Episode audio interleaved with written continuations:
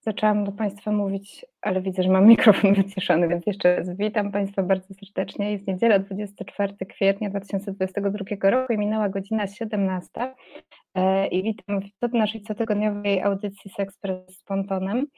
E, zanim zaczniemy, to tak jak przypomnę Państwu, że Reset to jest e, radio, które tak Państwo tworzyli, że zachęcam uczestniczenia w audycji na żywo, do zadawania pytań, do udzielania się w, w komentarzach, ale też do wspierania, e, wspierania pieniężnie mm, całego radia. Mm, możecie znaleźć linki do zrzutki w komentarzach na YouTubie.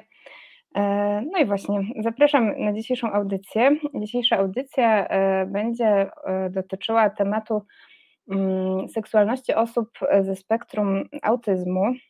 I moim dzisiejszym gościem będzie Aniela Janusz, e, która jest psycholożką, seksuolożką i też psychoterapeutką w trakcie szkolenia. Aniela pracuje z nastolatkami, z osobami dorosłymi i też z osobami właśnie neurotypowymi. Zajmuje się wsparciem indywidualnym, grupowym, prowadzi treningi umiejętności społecznych E, i też jest bardzo e, zaciekawiona osobami neurotypowymi i mam nadzieję, że, że będzie nam mogła powiedzieć trochę więcej o tym, jak, e, jak takie osoby widzą świat oraz też o tym, jak się z nimi pracuje i terapeutycznie, i pozaterapeutycznie. Także witam Cię serdecznie, Anielo. Cześć, dzień dobry. Cześć. I pierwsza rzecz, o którą chciałam Cię zapytać, mm, jest taka, e, trochę może e, opowiem o moim własnym doświadczeniu, e, w sensie takim, że, że coraz więcej osób z mojego otoczenia, nie, nie wiem, czy, czy, czy, czy może też tak, takie masz doświadczenia właśnie, że diagnozuje się pod kątem autyzmu, pod kątem tego, czy są w spektrum. Mm, I są to często dorosłe osoby, często dorosłe kobiety, które e, gdzieś na przestrzeni życia czuły, że mają jakieś, mm, że coś jest w nich innego niż, niż w otaczających je in, innych osobach, ale nie, nie mogły tego uchwycić. I teraz jako dorosłe osoby zaczynają się diagnozować. I właśnie chciałam Cię zapytać, jak to jest w ogóle, no to znaczy mm, może najpierw, czym w ogóle jest autyzm, czym jest spektrum autyzmu i dlaczego e, często tak późno możemy wychwycić e, to, że ktoś należy do tego spektrum? O co tu chodzi w ogóle? Generalnie jest tak, że trochę mamy teraz taki mętlik e, w nazewnictwie, ponieważ jesteśmy w przejściu pomiędzy jedną klasyfikacją ICD-10, a drugą ICD-11, czyli nowszą która powinna w Polsce zacząć funkcjonować od początku roku, ale jeszcze nie zaczęła, bo jest nieprzetłumaczona.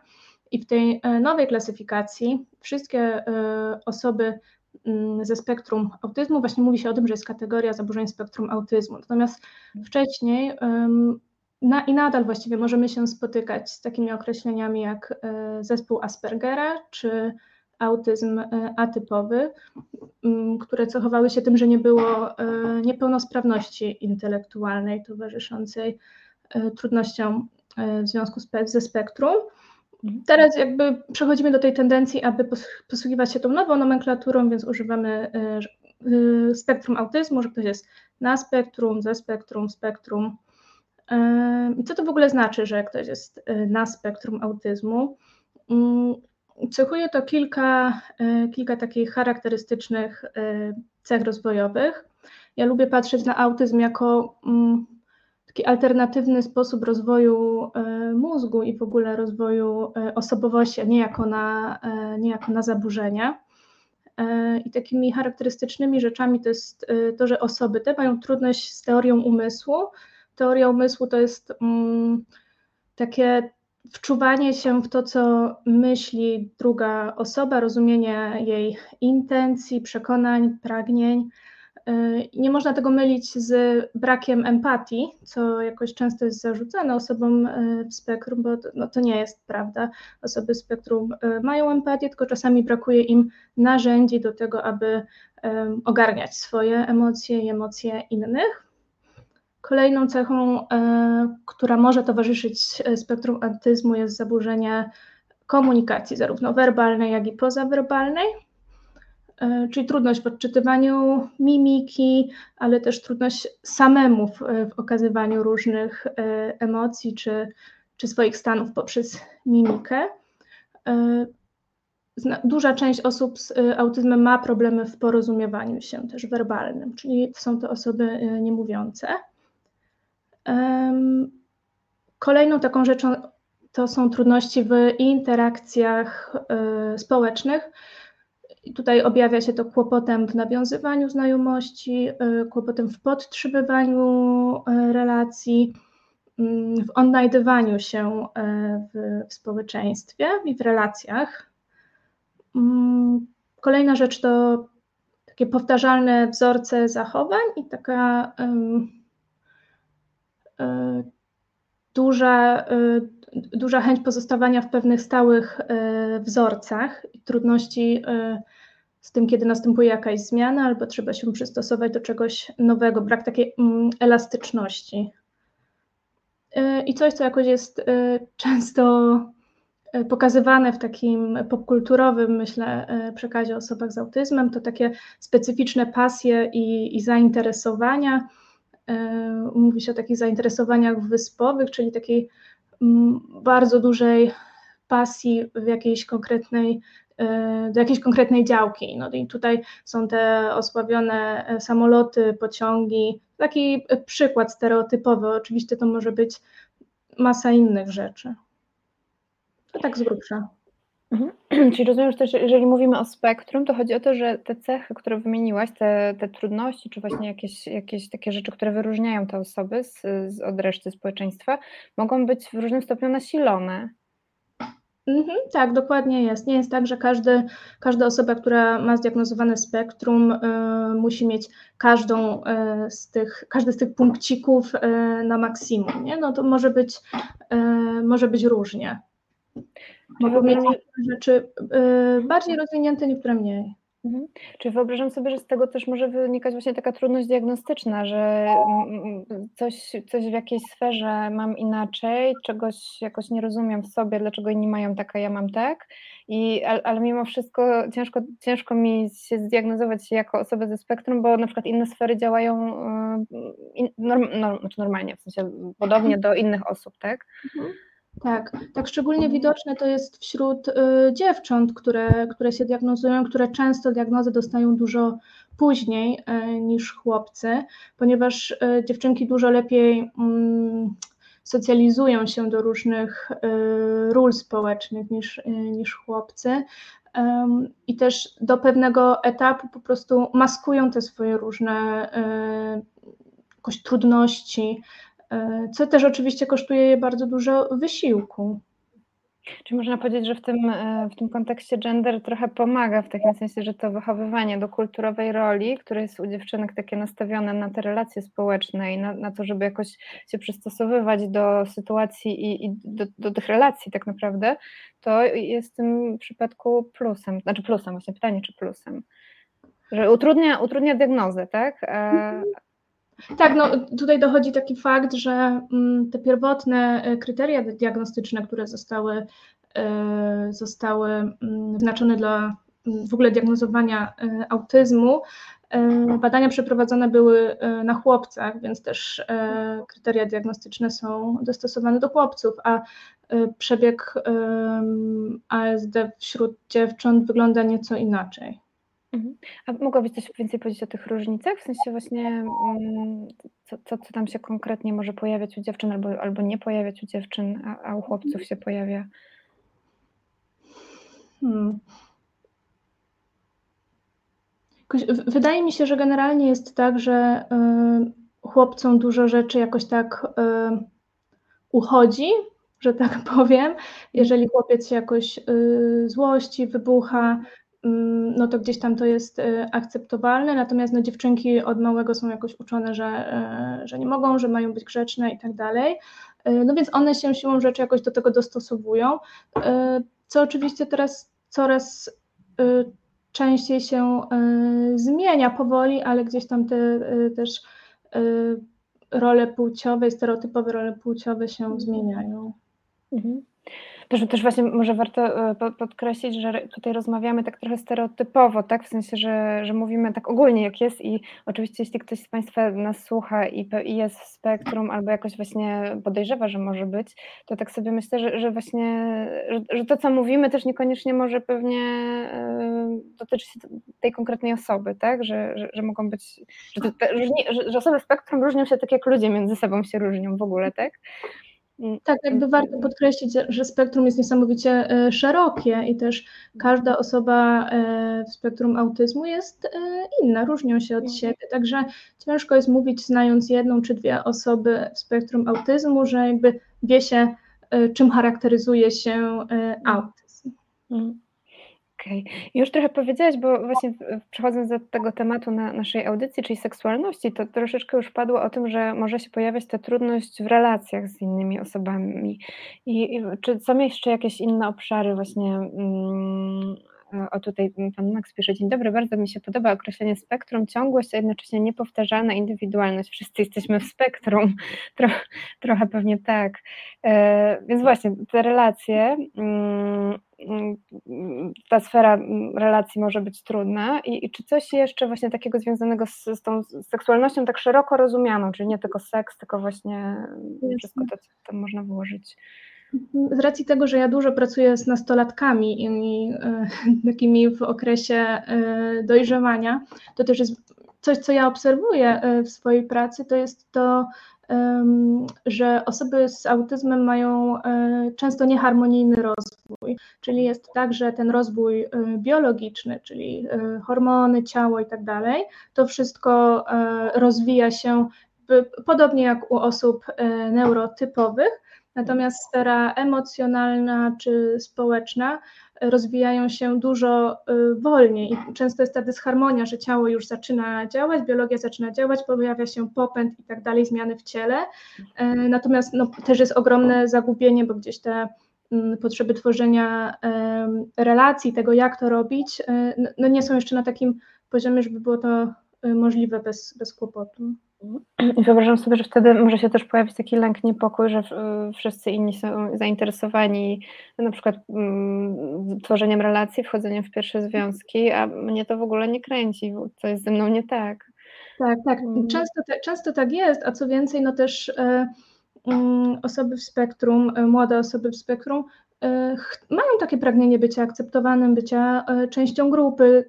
Nie wszyscy oczywiście, aczkolwiek nie jest tak, że e, są to osoby w ogóle niezainteresowane relacjami społecznymi i wobec tego, że jest im trudniej je nawiązywać i jakoś odczuwają, że, no, że się różnią na pewien, w pewien sposób od rówieśników neurotypowych, no to też próbują e, na różny sposób e, dostosować się, e, no co nieraz niestety skutkuje takim brakiem akceptacji ze strony rówieśników, czy, czy wyśmianiem, ponieważ robią to jakoś tam nieumiejętnie, czy no tak jak potrafią. Mhm. Też sobie wyobrażam, że jeżeli nie, ta potrzeba taka tworzenia relacji, znaczy potrzeba tworzenia relacji, rozumiem, że może się pojawiać, ale nie pojawia się mm, tak jakby zgodnie z tą normą rozwojową i że gdzieś, jeżeli to się nie pojawia, to też ciężko im ćwiczyć różne umiejętności i w związku z tym później też jest trudniej w dorosłym życiu, jak już ta potrzeba rzeczywiście może się pojawić albo, albo gdzieś zaczynać mhm. kiełkować, więc to takie zamknięte koło trochę, że e, tak jakby przeskoczony jakiś etap. E, no ja myślę, że właśnie y, kluczem tutaj jest ta wczesna y, diagnoza, bo im wcześniej diagnozę postawimy, to tym wcześniej możemy wdrożyć różne y, środki terapeutyczne. I jednym z takich głównych jakichś środków terapeutycznych wśród osób w spektrum są treningi umiejętności społecznych. To są takie zajęcia, na których dzieci, młode osoby, ale też coraz częściej e, dorośli uczą się w towarzystwie terapeutów, w jaki sposób takie relacje wchodzić, ale też uczą się, jak identyfikować swoje emocje, jak identyfikować emocje innych. E, w takim bezpiecznym środowisku mają okazję przećwiczyć te różne e, swoje trudności. I oczywiście też myślę, że taki indywidualny kontakt z terapeutą jest ważny, ponieważ często jest tak, że osoby mm, z autyzmem mają współtowarzyszące inne trudności, e, będące takim no, pokłosiem e, tego braku akceptacji w społeczeństwie, e, na mhm. przykład depresja, zaburzenia lękowe. Mhm. Tak. Bo, bo, chciałam jeszcze dopytać właśnie, jeżeli chodzi o te specyficzne rzeczy takie dla osób ze spektrum, tak jak gdzieś tam sobie próbowałam doczytać, często pojawia się problem mm, jakiejś nadwrażliwości, czy, czy niedowrażliwości, takiej, czy nawet sensorycznej, dotykowej, czy słuchowej. I tak sobie pomyślałam, że to też może być trudne właśnie w takiej sytuacji intymnej z drugą osobą, kiedy ten dotyk, zapach czy, czy, czy, czy dźwięk może być po prostu nieprzyjemny czy drażniący, zamiast być przyjemny. Mhm. No dokładnie tak jest.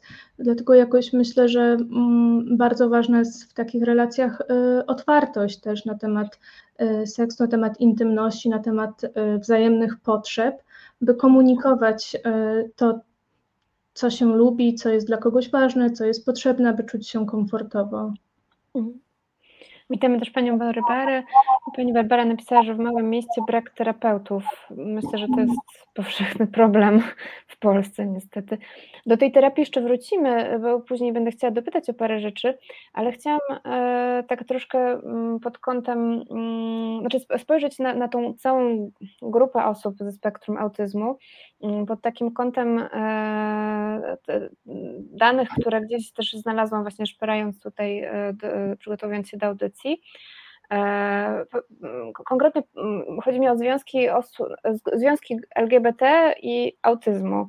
E, mhm. I, I, taką chciałam statystykę krótką przytoczyć, e, to znaczy to, to, to, tak, że w populacji ogólnej szacuje się, że jedna osoba na 70 może znajdować się w spektrum autyzmu, a jedna osoba na 20 może przynależeć do LGBT.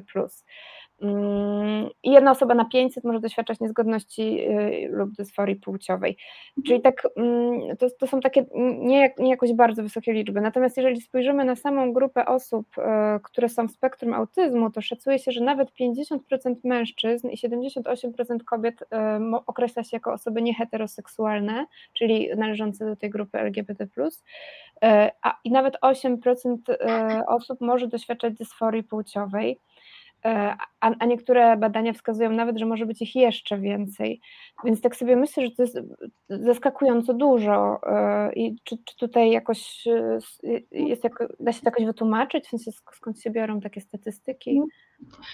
Ja przygotowując się też próbowałam poszukać takich statystyk, natomiast badania są bardzo rozbieżne.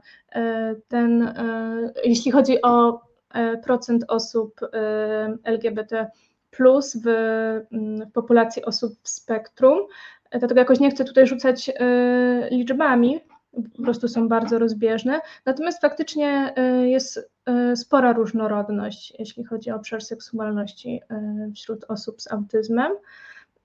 Ja sobie też tak myślę, że tutaj jakoś tak z mojego doświadczenia i z tego, jak słucham osób nieheteronormatywnych w spektrum, to jakoś myślę sobie, że mm, no oni ogólnie mniej niż osoby neurotypowe są przywiązani do różnych konwenansów czy do różnych, e, różnych takich społecznych e, zwyczajów. Często są one dla nich e, niezrozumiałe, wręcz głupie. I myślę sobie, że oni też mają dużo większą otwartość na to, aby aby poszukiwać czy zwracać uwagę na, na inne y, rzeczy. Mhm. Pomyślałam sobie też w kontekście na przykład aseksualności, że, że to też, e, jak, tak jak powiedziałaś o tym, że, że ten e, rozwój mm, taki mm, psychospołeczny może być taki trochę opóźniony, gdzieś, gdzieś później się zaczynać, że to też może być tak, że e, jakby jestem wyznawcą takiej tezy, że, że, że ta orientacja czy też samość psychoseksualna może się zmieniać w ciągu życia i że gdzieś ta, ta aseksualność na przykład może być też mm, taką dłuższą fazą, więc tak sobie pomyślałam, że być może kiedy nie czujemy tego popędu, nie czujemy potrzeby tworzenia bliskich relacji w, w okresie nastoletnim, to rzeczywiście możemy się czuć też jako osoby aseksualne, ale też mm, być może to jest coś, co, co zostaje mm, jakby do końca życia. Ja, ja myślę, że tutaj w ogóle jest taki e, też kolejny aspekt tego, że e, często osoby w spektrum mogą mieć trud w ogóle mm, w identyfikowaniu e, i łączeniu tego, co się dzieje z ich ciałem. Nie? Na przykład jak mhm. czują podniecenie, to mogą nie do końca wiedzieć, co to oznacza, z czym to się i co ja mogę z tym zrobić. Stąd też myślę, że szalenie ważna jest edukacja seksualna i to taka edukacja nie w momencie, kiedy to się dzieje, czyli nie edukować dziewczynę w momencie, jak dostanie okres, co to jest i co z tym mhm. robić, tylko dużo wcześniej o tym mówić, aby też była przygotowana na zmiany. Myślę, że to jest bardzo ważne w kontekście osób, tutaj kobiet w spektrum, mhm. ponieważ no, to jest duża zmiana, coś się dzieje z moim ciałem i warto, aby te osoby były przygotowane, no bo no, trudniej znoszą zmiany, więc tym bardziej ważne jest, aby wiedziały, co ich czeka. A też czytałam o takim pomyśle mm, właśnie w edukacyjnym, e, w sensie mm, w kontekście osób ze spektrum i nie tylko, też w ogóle osób z niepełnosprawnościami, chodzi mi o wprowadzenie asystentek seksualnych. I tutaj jakby też chciałam to rozróżnienie zrobić pomiędzy osobami e, pracującymi seksualnie, e, które potocznie są nazywane na przykład prostytutkami, tak? A mhm. pracowni asystentkami seksualnymi, które, właśnie których zadaniem byłoby wprowadzenie osób czy nastoletnich, czy dorosłych też w świat seksualności, ale w taki bezpieczny sposób, w takim sensie, że no, e, informowanie, przekazywanie wiedzy, ale też pokazywanie na, na ciele, tak? Czyli że to, to, jest coś, co przekracza taką zwykłą edukację seksualną. Jestem ciekawa, co ty o tym sądzisz i czy w ogóle to ma jakąś rację bytu w Polsce, bo wiem, że, że w innych krajach, w sensie w Czechach na przykład jest taka opcja, rzeczywiście wprowadzona, ale czy, czy, w Polsce, patrząc na to, co się dzieje, pewnie nie. Natomiast mhm. y, ciekawa jestem, czy w ogóle mm, znasz kogoś na przykład, kto, kto doświadczył takiej edukacji albo. Nie znam. E, nie znam osobiście nikogo takiego, natomiast e, myślę, że ma to też dużą e, zasadność w momencie, kiedy też niepełnosprawność intelektualna mhm. jest w stopniu znacznym.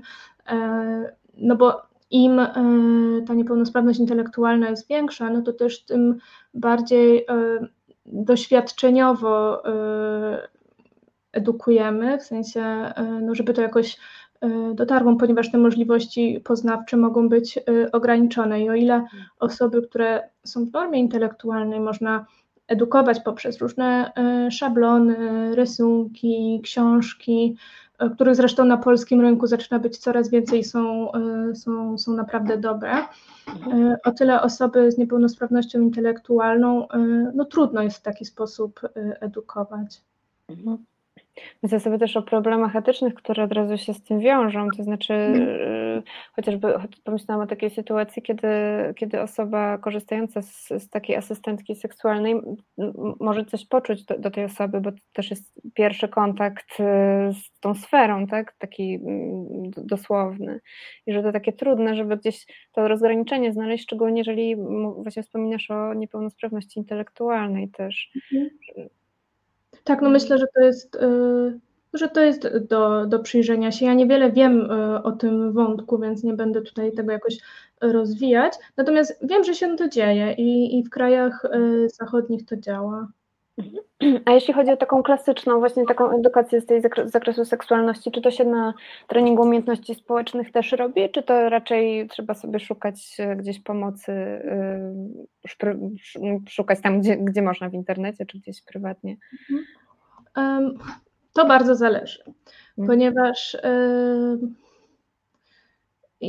żyjemy w Polsce e, i jakiś czas temu były różne takie ze strony rządu od, pogróżki, żeby wręcz edukować nie wolno.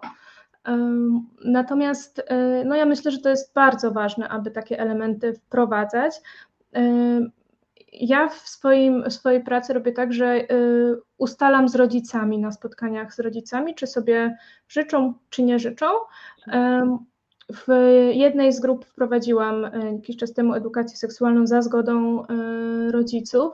E, I nie było tak, że to był jakiś mój e, pomysł, tylko po prostu powstało to z, z potrzeb, bo mieliśmy tam taki wątek odnośnie tego, że ktoś tam został zbanowany na Discordzie za wrzucenie jakiejś pornografii, no i generalnie się rozwinął wątek pornografii.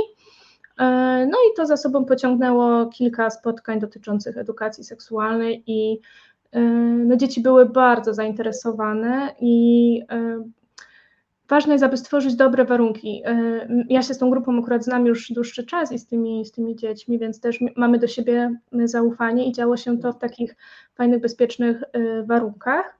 ale po ich reakcji jakoś widzę, jak ważny to jest temat i jak też nie ma za bardzo przestrzeni, żeby o tym rozmawiać, bo no, w domu to tak nie bardzo, bo trochę wstyd.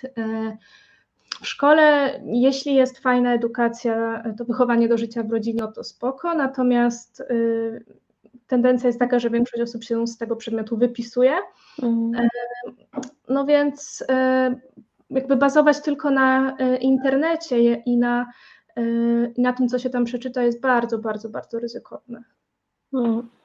Czyli też jak wszędzie, ale jeszcze gorzej, tak? W sensie, że, że akurat ta grupa jeszcze ma bardziej utrudnione. Ja myślę, ja myślę że tak I, i szczególnie to jest wśród osób z niepełnosprawnością intelektualną, gdzie w ogóle mm. y, jakby trochę neguje się, y, że, że te osoby mogą mieć y, w ogóle potrzeby seksualne. Mm. Mówię o takich osobach, które na stałe przebywają w ośrodkach, jakoś, a myślę, że tam szczególnie to jest y, ważne, aby je edukować, ponieważ osoby z niepełnosprawnością intelektualną też są bardzo narażone na y, wykorzystanie seksualne. Mhm. Albo też, y, że same staną się oprawcami, ponieważ mogą mieć większą mhm. trudność w hamowaniu swojego, w kontrolowaniu, w kontrolowaniu swojego popędu. Jak pomyślałam sobie o takim wielkim tabu, które właśnie gdzieś jest wokół tej seksualności osób z niepełnosprawnością intelektualną, nawet większym niż z niepełnosprawnością na przykład ruchową że, że jest to taki temat, gdzie ani się nie mówi, ani e, że nie wolno, a te potrzeby są i, i tak. w jakiś sposób się też chcą realizować, e, no właśnie, a mogą też zostać te osoby wykorzystane w jakiś sposób. Mm, zrobimy sobie krótką przerwę e, na piosenkę i za chwilkę do Państwa wracamy. Znudzeni mainstreamowymi newsami? Czas na reset obywatelski. Zaangażowane dziennikarstwo. Witamy po przerwie. Rozmawiamy o seksualności osób e, ze spektrum autyzmu. I chciałam troszeczkę Cię dopytać jeszcze o relacje mm, osób właśnie neuroatypowych. Gdzieś też przygotowując się trafiłam na taki opis tworzenia relacji przez młodego chłopaka właśnie e, ze spektrum, który, e, żeby wybrać swoją partnerkę, znaczy dziewczynę, z którą się spotykał, żeby, żeby być pewnym, że, że ona ma być jego żoną, to przygotował jej test, właściwie kilka testów i ona musiała tam zdobyć ileś punktów, żeby zostać jego żoną. Tam między innymi to był, to był test polegający na tym, że miała przejechać z nim tam chyba 60 kilometrów na rowerze, później zabrał ją do jakiegoś sklepu z biżuterią i obserwował jak się tam zachowuje, więc tak jakby mm, no, no właśnie, brzmi to śmiesznie, w takim sensie, że yy, no, że, że to takie zabawne, że jak nie zdobędzie, jak będzie, zdobędzie jeden punkt za mało, to co, to ją zostawi. Jej się udało zdać ten test, także wszystko się dobrze skończyło, ale tak właśnie sobie myślę, czy to, czy to jest charakterystyczne dla, dla osób neurotypowych, czy, czy, to, czy to może trochę przerysowana historia? Jak... Przypomina mi się scena y, z serialu The Good Doctor, gdzie, y, gdzie Sean y, przeprowadzał na Carly taki właśnie kwestionariusz. Jakby Pisał mhm. sobie serię pytań i, i odhaczał i sprawdzał, co jest jakoś kompatybilne. I dość zabawne to było. Aczkolwiek myślę, że, e, że czasami może to tak wyglądać, ponieważ e, e, osoby w spektrum też bywają bardzo rzeczowe mhm. i, i konkretne. Natomiast no nie jest to oczywiście jakaś zasada. Natomiast z tego, co ja jakoś słyszę mm, w gabinecie, faktycznie jest tak, że mm, na przykład e, flirtowanie e, albo takie jakieś podrywanie kogoś bywa bardzo trudne i bardzo niezrozumiałe dla, dla osób w spektrum, mm, no ponieważ im jest trudno zrozumieć jakieś takie um, subtelności, niedopowiedzenia, y, trudno z nim się domyślać, co druga mhm. osoba y, przez to, co mówi czy robi, chce, chce przekazać. Więc jakoś ta bezpośredniość jest tutaj y, dla nich ważna. W tym sensie myślę sobie, że, że takie znajomości przez internet mogą być ułatwieniem, bo tutaj nie ma tych niuansów związanych z tonem głosu albo z mhm. mimiką twarzy, że jakby trzeba pisać wprost. Znaczy też pewnie można gdzieś coś sugerować między wierszami, ale że jednak jest mniejsze pole do tego. Mhm. Tak, chociaż też słyszę często o y, różnych trudach tinderowania od, y, od klientów. Y, no nie jest to łatwy świat, natomiast nie jest to łatwy świat też dla osób neurotypowych, więc, więc generalnie randkowanie bywa trudne, aczkolwiek myślę, że też osoby często poznają się na różnych forach e, dla osób e, w spektrum, gdzie mhm. okazuje się, że lubią podobne rzeczy, że mają podobne preferencje, gdzie też zyskują e, dużo większe zrozumienie. Mhm.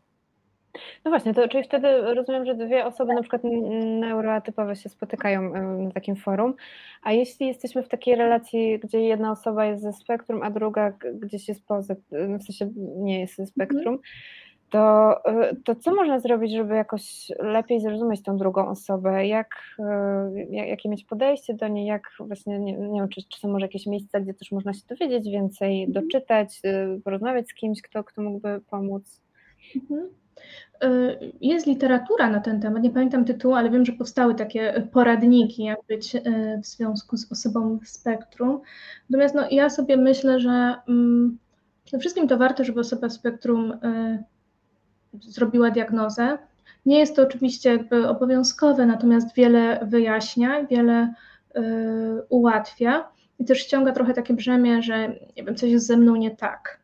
Nie, nie używać, jakby nie po to, aby to było usprawiedliwienie dla niektórych zachowań, ale jak już wie, które zachowania są trudne jakoś do zaakceptowania przez drugą osobę, to też ma możliwość y, wdrożenia zmian, czy, czy poprzez terapię, czy, czy właśnie poprzez y, słuchanie wskazówek y, partnera, partnerki. To jest, przepraszam, że Ci wejdę w słowo, ale to właśnie jest ciekawe, bo od wielu osób tych właśnie zdiagnozowanych e, w wieku dorosłym słyszałam takie bardzo duże poczucie ulgi, że wreszcie wiem, co mi jest, wreszcie wiem, o co chodzi, że wcześniej myślałam po prostu, że coś jest ze mną nie tak, że jestem jakaś nieprzystosowana, nie, nie taka, nie taki, a, a teraz wiem i to jest taka, takie uff. Tak, no, ja jakoś też się często spotykam z tym, że y, to dużo rozjaśnia. Y, taka diagnoza neurotypowości, właśnie czy spektrum autyzmu, czy ADHD, y, jakoś dużo, dużo wyjaśnia, czemu ja byłem przez tyle, byłam przez tyle lat taka, a nie inna, czemu wszyscy dookoła się mnie czepiali, czy czemu różne rzeczy mi nie wychodziły. Jakoś staje się to bardziej klarowne. Mhm. I weszłam Ci w słowo, bo coś chciałaś jeszcze dodać do, do tego. Już nie pamiętam, także spokojnie.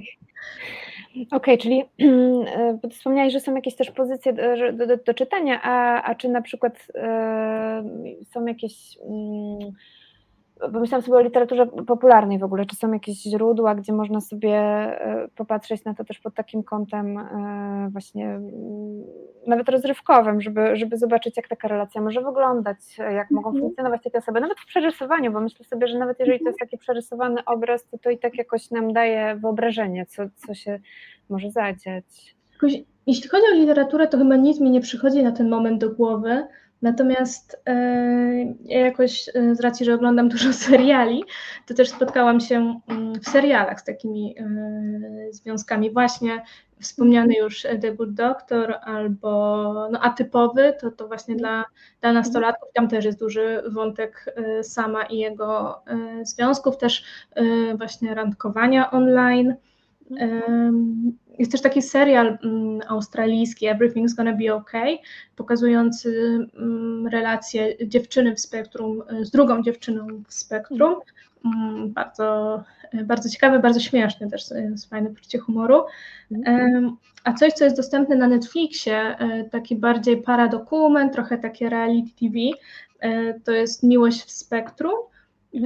To jest taki program pokazujący właśnie zmagania osób e, będących w spektrum w poszukiwaniu miłości, związku. E, tam, to jest moderowane przez taką terapeutkę, Jodie Rogers. No, jest na Netflixie, także jak ktoś ma ochotę pooglądać, to zachęcam. Mhm. A wspomniałaś też o, o, tym, że niektóre z tych seriali czy, czy właśnie obrazów są, są śmieszne, a właśnie chciałam Cię zapytać, jak jest poczuciem humoru u osób neurotypowych? Bardzo różnie. To mhm. jest tak samo jak e, z poczuciem humoru osób neurotypowych. Myślę, że to jest okay. bardzo duże w ogóle e, jakieś nieporozumienie. E, że osoby w spektrum nie mają poczucia humoru, bo rzadko gdzie ja się tyle bawię i tyle śmieję, jak podczas sesji terapeutycznych. Mają bardzo, no, to często też są osoby mm, inteligentne, mhm. bardzo inteligentne, więc też to poczucie humoru bywa wyrafinowane. Zdarza się, że nie rozumieją żartów. Mhm. Oczywiście, że się, że się zdarza i że jakoś różne konteksty y, warto z im tłumaczyć. Natomiast na pewno nie jest to prawda, że nie mają poczucia humoru.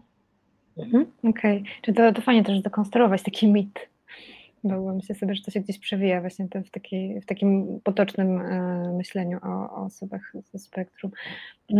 Okej, okay, a chciałam e, Cię zapytać właśnie, czy w kontekście relacji e, psychoterapia może być jakoś pomocna, bo Ty, bo ty też się psychoterapeutycznie, rozumiem, że nie tylko prowadzisz treningi właśnie tych umiejętności spo, społecznych dla osób neurotypowych, ale też pracujesz psychoterapeutycznie jako, jako właśnie terapeutka z takimi osobami. Mhm. I, i czy, czy w kontekście relacji taka psychoterapia terapia mo, może być jakaś pomocna, czy, czy na przykład kiedy, kiedy zgłosić się na psychoterapię, kiedy zachęcić taką osobę do pójścia na terapię, jak ty to widzisz? Osoby w różnych momentach trafiają e, na psychoterapię. Są takie osoby, które już od dawna mają e, diagnozę, natomiast jest taki moment w życiu, że na przykład zmagają się dodatkowo wiem, z depresją czy z zaburzeniem lękowym i z tym trafiają do gabinetu ale są takie e, osoby, które po otrzymaniu diagnozy spektrum autyzmu zgłaszają się e, po pomoc i trochę to wtedy polega na takim towarzyszeniu im w objaśnianiu świata, w rozumieniu świata, trochę w takim mm, rozwijaniu umiejętności rozumienia swoich emocji, wyrażania emocji, bo to, to często też jest trudne. Mhm. I to są zwykle takie bardziej długie niż krótkie y, procesy. Bo to, mm. to nie jest tak, że autyzm się leczy, czy się y, z autyzmu wyrasta. Tak, kiedyś była taka, y, tak się kiedyś mówiło, że z ADHD to się wyrasta. No nie, nie wyrasta się. To jest, to jest sposób budowy mózgu, z tego się nie wyrasta. Natomiast można nabierać umiejętności radzenia sobie. No to, to jest nauka. Mhm. Czy psychoterapia też może być taką nauką tak naprawdę? Możemy gdzieś kreować jakieś nowe ścieżki dla, no, pokazywać też tak klientom czy pacjentom. Tak, zdecydowanie mhm. jest to nauka. Mhm. Więc tak sobie myślę, że też na przykład dla takiej pary e, osób e, ze spektrum i znaczy dwie, no właśnie, czy dwie, czy dwie to też pewnie odpowiedź, no już sobie odpowiedziałam, że pewnie to zależy, bo tak się mhm. zaczęłam zastanawiać, czy, czy, czy jakby te związki osób z, ze spektrum, dwie osoby ze spektrum, czy ze spektrum i, i, nie ze spektrum, które mogą być łatwiejsze, jak, jak, jak się budują, jak się je buduje łatwiej, ale to pewnie. Hmm. Ciężko jest tak powiedzieć, które są łatwiejsze, no bo to, wszystko zależy bardzo od, od osób, od, tych, od osób, od tego, co się dzieje w ich relacjach. Ta relacja wygląda, myślę, że to jest trudno tak generalizować. Ale a propos e, par e, w spektrum, gdzieś tu miałam zapisane. A jest taki fanpage e, na Facebooku, Psycholog na Spektrum. Mhm. Nie znam osoby, która to prowadzi, natomiast często są tam takie wstawki z życia właśnie E, z drugą osobą e, mhm. autorki, chyba chyba kobieta e, jest autorką i można trochę tak śledzić, z jakimi sytuacjami można się spotkać mm, w związku ze sobą w spektrum. Mhm.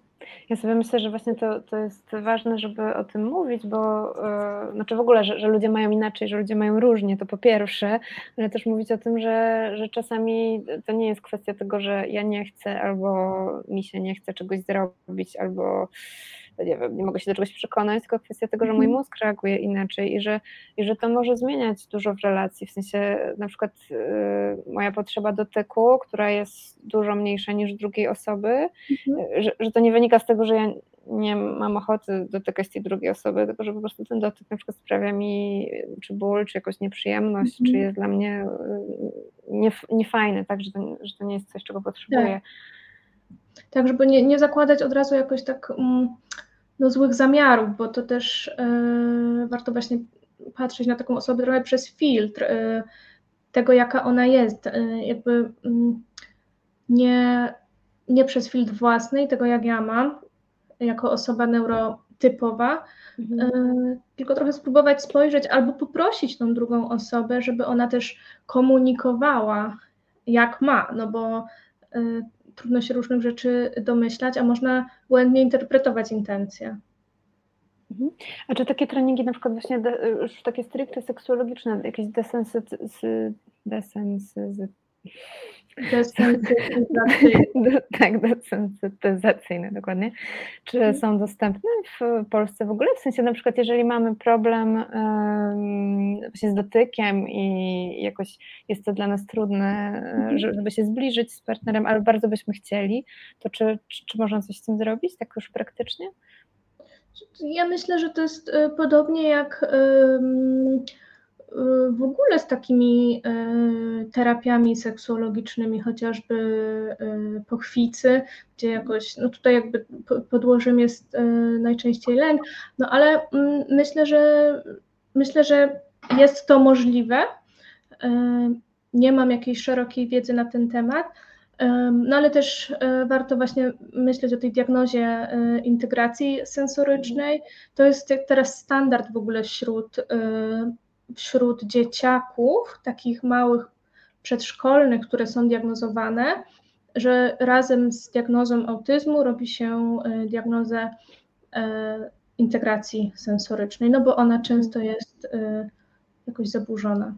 Tak, A potem po diagnozie są, jest terapia integracji sensorycznej. Mhm. Tak, i teraz w przedszkolach też są popularne te zajęcia z integracji sensorycznej, rzeczywiście, że się jakoś chodzi po kolcach i po tak. liściach, tak. żeby się odwrażliwić. Tak, w ogóle dużo takich barierów są na przykład te y, kołdry obciążeniowe, albo w, mhm. przedszko- a w przedszkolach są też takie kamizelki zakładane y, dzieciakom.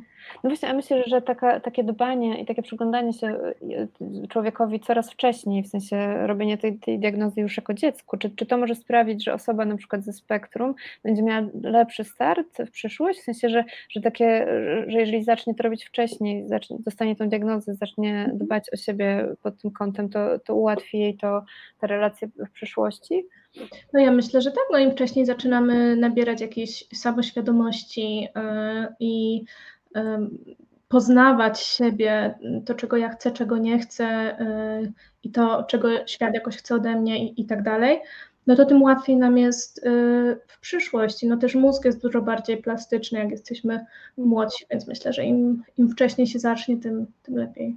Mhm. Jest taka możliwość, no bo jasne, nie zawsze jest, zwłaszcza w mniejszych ośrodkach. My tutaj w Warszawie, no to mhm. mamy naprawdę luksus, ale jak się tak. Y, wyjedzie poza miasto czy poza województwo, to bywa trudno. Mm. Tak. Adrian napisał, że kolejna ciekawa rozmowa obalająca krzywdzące mity i uprzedzenia. Dziękujemy bardzo za tą, za tą opinię i też e, właśnie idźcie dalej i że, że to ważne, żeby osoby ze spektrum nigdy nie były same, jeśli chodzi o życie seksualne, były szczęśliwe i miały satysfakcję w swojej miłości. Tak ja sobie myślę, że to jest ważne. Ważne jest też to, że, że znaczy, to, to bym jeszcze podkreśliła, że nie wszystkie osoby mogą mieć potrzebę też budowania relacji i że to też może być dla nich szczęście, więc że, że, że, że to ważne, żeby wszystkie osoby ze spektrum i nie ze spektrum mogły iść taką ścieżką, jaką chcą, e, że, że jakoś bym, bym w tą stronę poszła. I pan Tomasz napisał, e, że nabiera się doświadczenia w trakcie e, życia, to tak jak, jak tutaj, mm, jeżeli dobrze zrozumiałam ten komentarz, tak, że, że trochę się wyrasta w takim sensie, jak w przypadku psychopatii, czyli nabiera się doświadczenia, że zachowania, które w psychopatii wydają się naturalne, nie są akceptowalne i grożą niemymi konsekwencjami. E, myślę sobie, że, że trochę tak, ale to tak jak wspomniałaś na początku o tej empatii, tak, że jednak ta empatia u osób ze spektrum jest e, w przypadku psychopatii, e, jest, myślę sobie... Mniej albo nie. Tak, właśnie, może być, może być jest gorzej z empatią? Ja sobie myślę, że to jest ważne, e, co Pan Tomasz mówi i kompatybilne z tym, e, z tym wprowadzaniem treningów e, jak najwcześniej, no bo trening wyucza do pewnych rzeczy, niektórych rzeczy zachowań da się nauczyć, ale też radzenia sobie, tak jak o tym, bo to akurat o ADHD było, że się nie wyrasta, no to trochę jest tak, że nabieramy większej wiedzy na swój temat. Wiemy, no nie, na przykład, co nas rozprasza, co sprawia, że uwaga nam bardziej ucieka. Uczymy się jakoś organizować swój dzień, planować, żeby się trzymać.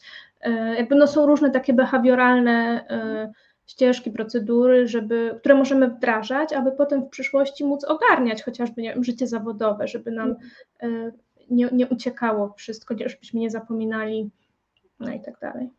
Tak. Okej, okay. to dziękuję Ci bardzo. Ja się dużo dowiedziałam ciekawych rzeczy. Mam nadzieję, że Państwo też skorzystają z tego i że będą szerzyć dalej e, tę wiedzę, bo myślę sobie, że tak jak tu padło parę razy, że, że to jest jednak temat, o którym się mało mówi i, i który jest taki, no też trochę tabu, mm, jak wszystkie tematy związane z seksualnością, mam wrażenie. E, Może tak. jeszcze, jak mogę na koniec, mhm. to też e, rzucę paroma tytułami książek, gdyby ktoś miał ochotę sobie poczytać. I to, co jakoś jest takie, myślę, ważne, jest po polsku, napisane przez panią Izabelę Fornalik, to jest taka książka. Mam seksualność, mam autyzm, mam seksualność i co dalej. Mhm. Bardzo pomocna dla rodziców i dla, e, i dla dzieci w spektrum, a dla starszych osób co prawda już trochę mm, nieaktualna, bo oparta na DSM-ie czwórce obecnie to jest taka klasyfikacja y, zaburzeń, a posługujemy się DSM-em 5, y, ale też y, fajna. Zespół Aspergera aseksualność od dojrzewania poprzez dorosłość. Są tutaj też różne materiały, scenariusze zajęć, więc jeżeli ktoś z Państwa pracuje z osobami spektrum, to też polecam. Jeszcze tylko na koniec dopytam, rozumiem, że zmieniła się klasyfikacja, ale jakby zawartość książki jest nadal aktualna, w sensie, że tylko nie ma nazwy zespołu Aspergera, a... No właśnie jest, y, bo w DSM-ie mm. czwórce y, był. No właśnie, w tym, mhm, Tak, tutaj posługują się y, określeniem zespołu Aspergera, no ale reszta jest, jest aktualna. Dobrze, poleca, polecamy sięgnąć do tych pozycji. To dziękuję Ci bardzo jeszcze raz i zapraszam Państwa oczywiście na naszą audycję za tydzień w niedzielę o 17, tak jak dziś. Dzięki do, bardzo. Dzięki, do widzenia. Do widzenia. Reset Obywatelski.